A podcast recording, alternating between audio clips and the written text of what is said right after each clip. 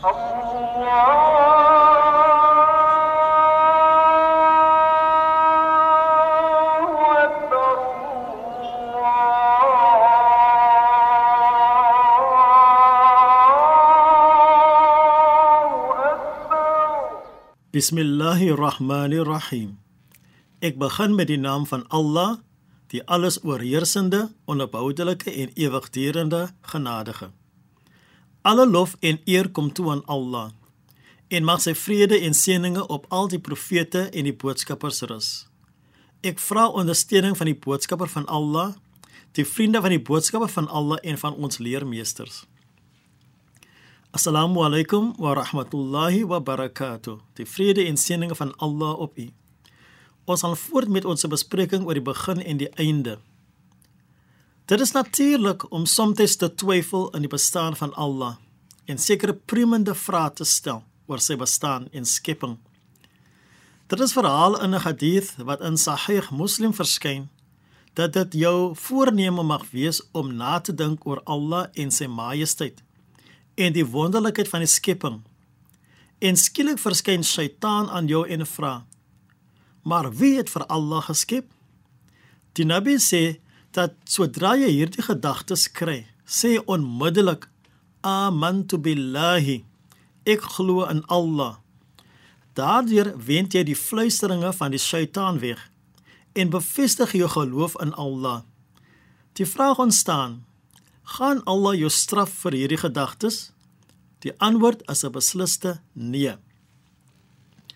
In 'n gesprek tussen Abdullah ibn Abbas en Abdullah ibn Umar ibn al-As wil die gespreksgenote van mekaar verneem wat ieder se gunsteling vers in die Heilige Koran is. En Abdullah ibn Umar sê: O my dienaars wat teen hulle self gesondig het, moenie moed opgee oor die genade van Allah nie. Allah vergewe alle sonde. En indien 'n mens na die lewe van Abdullah ibn Umar kyk, sal ons ontdek dat hy 'n geneigtheid geneigtheid gehad het tot depressie en dat hierdie vers vir hom alle hoop gegee het. Ibn Abbas sê toe vir dat sy vers is waar Nabi Ibrahim vir Allah vra: O Allah, gewer van lewe en dood, wys vir my hoe u dood en lewe gee. En deurdat Nabi Ibrahim vir Namrud uitgedaag het om die sonsopkoms en die sonsondergang gang te beheer, soos Allah dit beheer, en dat hy dit nie naasien by daartoe in staat is nie. Na Ibrahim wil nog altyd weet hoe Allah lewe en dood veroorsaak en Allah vra: "Sal jy nie glo nie?" Hy sê toe: "Ek glo, maar dit sal my hart tevrede stel."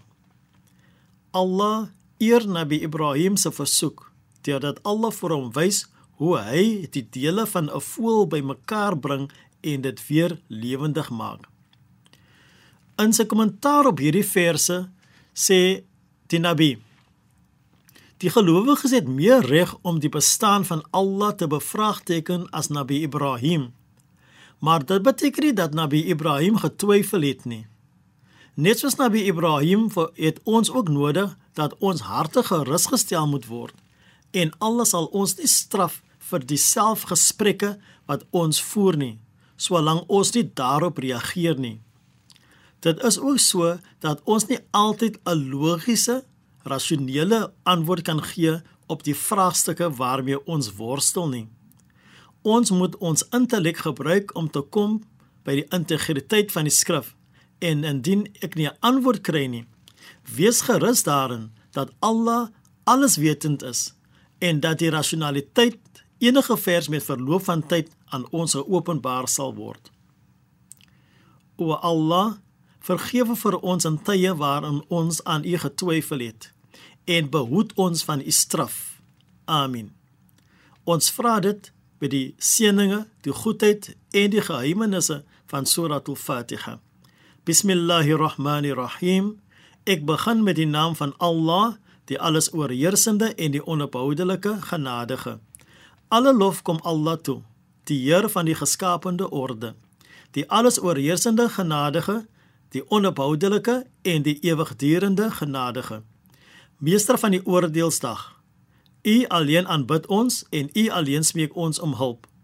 Lei ons op die regte weg. Die weg van hulle wie u guns verdien, nie die weg van hulle op wie u toore neergedaal het nie of die weg van hulle wat afgedwaal het nie. Walhamdulillahi rabbil alamin. En alle dank en lof kom toe aan Allah. Dit is sy maniers wat u met God se vrede, God se seëninge en God se genade groet tot 'n volgende keer, insha Allah. Allah